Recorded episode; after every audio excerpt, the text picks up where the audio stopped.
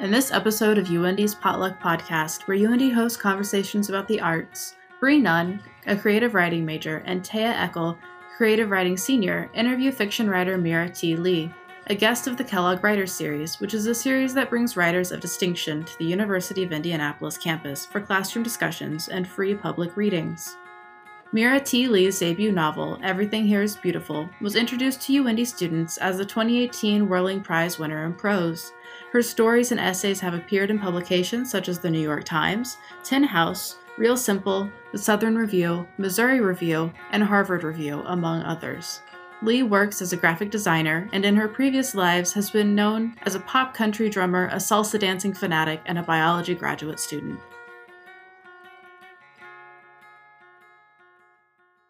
I am Bree Nunn, a junior at UIndy. And I'm Taya Eckel, a senior, and we are so excited to be hosting the amazing novelist Mira T. Lee. Mira, welcome to campus. It's wonderful to have you here. Thank you so much for having me. As we said in your bio, your debut novel has received a lot of acclaim. What has it been like to have your work receive so much attention? I think it's been amazing, but it was also kind of um, unexpected, I guess, because I when I was starting to write this novel, I really didn't know if it was going to go anywhere. It wasn't. Um, it was something that I did very privately. Uh, I wasn't uh, ever in a writing program. I wasn't around a lot of other authors, and so this was something that I did really at the beginning for myself because I thought that maybe there was a good book here. And so to see it come out in the world and then actually receive some attention has been, you know, really gratifying. How was more of that process? Like, did you have people read it like family members, or did you just send it out blindly? it was a long process, I can tell you that. Um, so it went through many drafts, um, many revisions, mm-hmm. and so. Like I said, I didn't have a writing group back then, and so, and I didn't know a lot of writers. So um, I would have uh, my husband read it. Uh, he read some of the earliest drafts, and then um, just various friends and people who I knew uh, who appreciated literature.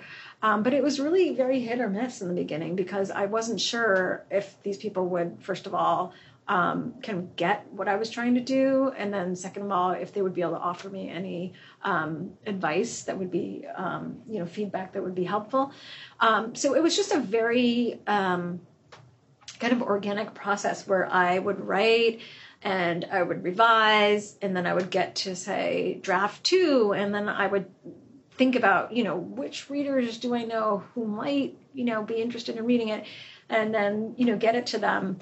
Um, and then they would get it back to me and sometimes i would really agree with what they thought and sometimes i think mm, not sure you know if that was really the direction i was looking for or if those things were really helpful. So it was just a process a kind of um, learning process as i went along just trying to figure out who offered good feedback and then how to work with that feedback to improve the book. But many many revisions well, it's been a year since you debuted it. Uh, what have you learned since then? I've learned that um, writing a book and getting it published is um, a wonderful thing, and I think a lot of writers aspire to that. But I think that actually being a published author doesn't fundamentally change anything, I'd have to say. Like, I'm still who I am at the end of the day. For some reason, I think when I knew the book was going to come out, I thought my life is going to be different or I'm going to be different somehow when it comes out into the world. And um, I don't think that's really true. I think I still am who I am. And maybe, you know, I'm even more insecure than I used to be because although now my work is out in the world. But um, I do think that I view writing a little differently. Um, I like I said, when I started this, I wrote for myself, really, and I wrote for the characters. Um, but uh, now I think about what you know my agent might say, or what um, an editor would say, and whether this is a um, marketable book or how, how it would be sold and how it would be positioned. So I'm a lot more aware of the business side of publishing now now than I used to be. Did you learn a lot about yourself when you were in the process of writing the book? I did. I think um, the story is told from different points of view, from you know multiple characters, and so in having to dive into the perspectives of different characters, I think I learned um, something about myself, which is that I'm able to do that, and second of all, that that's um, that's interesting to me. Um, that's one of the most interesting parts of writing to me and writing fiction is being able to um, try to put yourself in somebody else's position. Um, and so I do think that, you know, I kind of grew as a writer and grew as a person from having to do that. Can you talk more about the significance of the novel's title and when did you discover it? Yeah. The title of the novel is Everything Here is Beautiful, and that was not the title I originally had. Um, in fact, um, I had this title called Lucia Ever After for the book, and I really loved that title, but my agent said it sounded like um, some kind of zombie romance, and she really didn't like it, so we changed it. Um, and then when the book was sold under this other title, my editor didn't like that title, and so for a long time the book had no title at all. And um, it came time to where we had to design the book cover. You know, the publisher had to design the book cover, and we really needed a title. And so um, I had this list of 150 or more titles. Um, and I went through every single page in the book trying to find lines that might work as a title. And Everything Here is Beautiful was always in there. It was something that Yonah, um, one of the characters, says early on. And my publisher, um, my editor, really liked that. And I was okay with it. And I think, you know, titles, you know, a lot of people have to agree on the title before it gets, you know, accepted. And so um, I think that was the one that we could all agree on. Um, and then the cool thing about the title was that after we decided on it, I actually went back into the book and um, put in all these references to the word beauty and beautiful.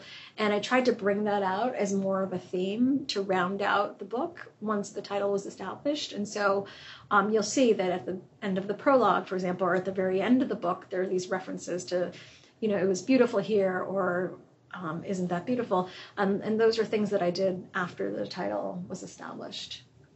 You play with a point of view in the novel, like going from first person to third person. Did you sit down with the idea that you would be writing something with so many shifts of narration, or did it sort of evolve into a character's own story? It evolved. Um, when I started, I had this idea that this was going to be very straightforward. It was going to be told from four characters' points of view, all in first person. Each one was going to take a turn telling their side of the story and then it would end. And so I thought I would have four big chapters and that was it. And then it didn't turn out that way just because, well, logistically things happened and um, I couldn't tell everything in first person. And so there's this point in the book where um, Lucia, the main character, goes into the hospital and I had to figure out how to tell this this section of the story, but I couldn't figure out how to do it in first person, like who it would be. Would it be a doctor or a nurse or another patient or social worker? Um, and none of them really worked. And so I, I, used third person and I told it in a very clinical voice initially, um, just to get that part of the story from point A to point B. Um, and then after that, I had this chapter in there that was in third person. Um, and so I thought, well, no, nothing's really off limits. So, so then further on the book, we do return to first person in Lucia's voice, um, but then also into third. And by the end of it, I had many different voices, and I was worried that it was too much. But um, for me, I think it fit because there's a, something a little bit fragmented about it that kind of fits with Lucia's mind um, and the theme of mental illness. Um, and so I actually liked that it's made up of these first and third person chapters. Um, it's not how I would have envisioned it, and it's not how I would have planned out a book like, oh, I'll shift from first to third. It's just kind of what happened um, so that I could tell the story I wanted to tell the story. So it's all in service of the story I wanted to tell. Whose point of view is the most difficult to write from and why? Um, I think that Lucia's first person voice was really tricky for me because I think of her as um, being just more um, more brilliant than I am. I just think of her as a very quirky character, as a very unique character, um, and I knew she had to have this very unique voice, um, which wasn't my voice really. my own voice is not, you know, it's, it's, I'm not like snarky in any way. I'm just, you know, I'm pretty straightforward, and she has more attitude about her, and so um, I wanted her to have a little bit of quirkiness to her, and to get that right took me a long, long time. It took me a lot of revisions of um, of the beginning of her chapter to get that voice right. And then once I kind of got, you know, the first few paragraphs, first few pages of her voice, then I think it got a lot easier to just tell her section. Did you have a favorite character to write from, or was it third person? My favorite point of view to write from was definitely Yonah's. So Yona has a first person chapter way towards the end of the book. And for me, it was like a relief to let him speak in his own voice. Um, I think it was definitely the easiest chapter for me to write because his voice is so distinct. It's, um, you know, he has this, um, he's Israeli, you know, he, he's his background, you know, he's um, Jewish, Russian Jew, um, and he spent all this time in New York and um, I knew people who you know had a similar background, and so I could hear those kinds of voices very clearly in my head. And when I wrote him, um, it just all came out. You know, it was I think the stronger the voices and the clearer you can hear it, like sometimes just the easier it is. And so I had a lot of fun writing him. What was the most difficult scene to write in the book? I would say that the ending um, was very tough to write because um, I guess I don't want to just give a give away the entire ending, but there are a lot of moments towards the end of the book where things happen, and I had to make the reader feel um, moved, and so I think I call these scenes moving moments, and because of the way I th- set the plot up, there were a lot of them that happened one right after the other at the end. Um, and so I kept to, having to make this character feel this way, and then I needed to make my reader feel how they felt. And over and over again, there were a lot of instances of having to move the reader instead of just you know telling them or something's happening during the plot. Like I had to f- make the reader feel emotionally, and so that was tricky. The the ending. What is your writing process like today? Is it consistent or does it change? it changes a lot from day to day. And I wish I were one of those writers who just has a ritual and a routine, gets up every morning and, you know, a certain time. Um, but I'm not. I, um, I tend to like to write in small, dark spaces. So, um, so I will try to, you know, sit in the room that has the the blackout shades and you know, huddle under a blanket and kind of block everything else out. Um, that's when I'm drafting. So that's when I'm, you know, just trying to formulate the ideas, create the world. Um, but then after, if if I'm in the middle of a piece, I actually can work anywhere, and I'm happy to work anywhere. Um, coffee shops or outside or in the car, doesn't matter um, I find that once I'm into a story, it just kind of takes over, and I'll be thinking about it no matter where I am, you know, in the shower or driving, um, and so it's easy to work anywhere. But in the beginning, um, I do like to just kind of isolate myself. So you also work as a graphic designer. Tell us about balancing that between your writing and your job. So I actually really enjoy graphic design, and I did, um, you know, that's primarily what I did, um, turned a living for years and years and years.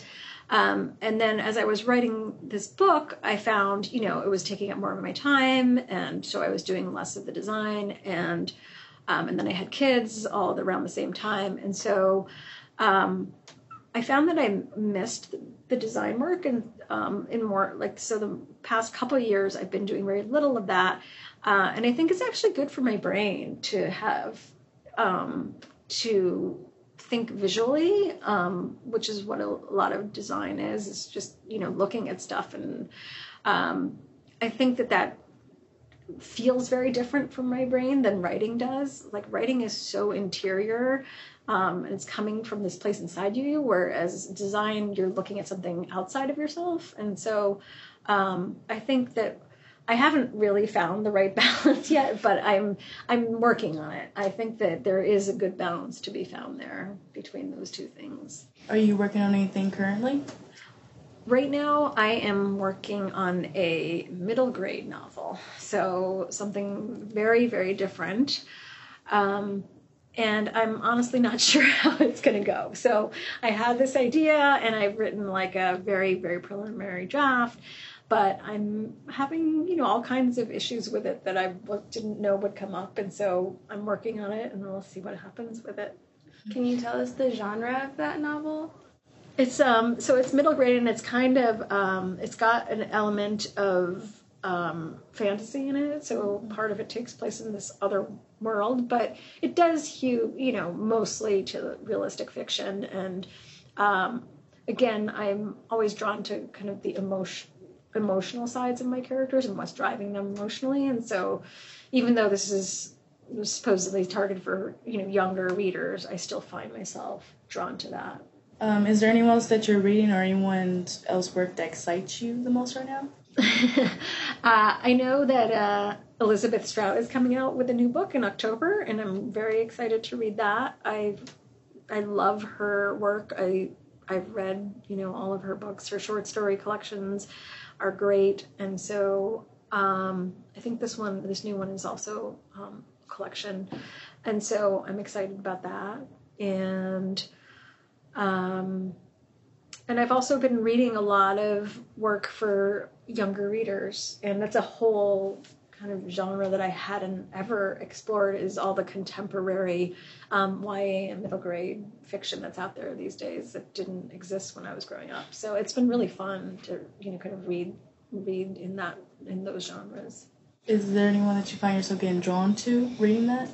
Um, I recently read a book um, by Lauren Wolk called mm-hmm. Wolf Hollow, which is like one you know won the award. I don't remember which award, but it was very um, you know, received a lot of praise when it came out a couple years ago, and I thought it was great, like for a you know for a, a book that you know addresses a middle grade audience to cover all the things that it covers. I thought was, you know, it was really, um, it was really moving and it was really great to see that you can write that way for younger readers. If you could have dinner with any author, living or dead, who would it be and why? oh boy. Um, um, oh boy. You can do more than one too, if that a whole dinner party. A whole dinner party. Well, let's see. One of the writers who, um, well, you know what? Uh, there's some children's book writers who I just adored, and so I would love to yeah, I would have loved to meet them when I was younger, and I think I still would now. So E.B. White, um, I loved those books when I was young, and I'm I've been rereading them because I have kids who are around that age, and you know, as an adult, I think I appreciate those books even more now than I did it as a kid, which I think is remarkable. Um, and so and also like Roald Dahl stories i read some of those again and i was like wow you know what he's doing here is just amazing like the storytelling so i think i would like to have you know um, dinner with a bunch of my favorite children's books authors and they were just uh, i think when you're a child and you read things strike you in a way that it just stays with you forever mm-hmm. that'd be a really nostalgic dinner yes Um, before we end, what is some advice that you might give to aspiring authors? Well, I think that you should realize that all that work that you read and your favorite books, um, it didn't come out that way. And so when you're re- when you're writing, um, and your first drafts or your second or your third or even your fourth draft comes out and it's just not what you you know what you want it to be I think that's very natural to think that way. And so the amount of revision that goes into most author's work is something that you don't see as a reader, but is there. And so I would tell aspiring writers that uh, expect to put in that work and you know and you'll hopefully see the results of that but um, it's a long road and so you have to be prepared for that I know earlier you mentioned too that you had some title changes because your original title wasn't received well by the agents and the publishers. Do you have any advice on when you get pushback, how much should you like really stick up for your own ideas and how much should you say, okay, the publishers and agents yeah. might know best? I think it's like they say, you have to pick your battles. And so for me, you know, the title is something that a lot of people in publishing have to agree on. Um, and so, you know, there were a couple other titles I might have preferred to this one, but um, I liked it, this one, you know, well enough and it wasn't a battle I wanted to fight. And you know, another one is like the book cover. And so because I was a designer, they knew. I think they were afraid I was going to be super picky, um, and so they offered me, you know, four different options right off the bat, which was nice. And um, so I feel like you know, for my hardcover um, cover, I did get what I wanted. Um, I didn't have to compromise, but I do think there's a lot of compromising. And when you're doing revisions with an editor, for example, um, there were a lot of places where, um, you know, on the line level, I would push back a lot. I would just say that's just, you know, I just don't like the way that sounds. It, it interrupts the rhythm of what I'm writing. You know, I'm very particular, and th- I think that was fine. Um, but on some of these bigger points, um, I really, in the end, um, I'm glad that I trusted my editor because the work that she asked me to do did make the book much, much better overall. And so um, I might not have agreed with all of it in the beginning, but you know, once I actually did put in the work, it did make it a much better book. And so I think, you know, you have to kind of pick your battles. So that was all excellent advice. Thank you so much. Mira, it was great to talk with you, and on behalf of the Kellogg Writers Series, the English Department, and the University of Indianapolis, thank you so much. Thank, thank you. you so much for coming. Thanks for having me.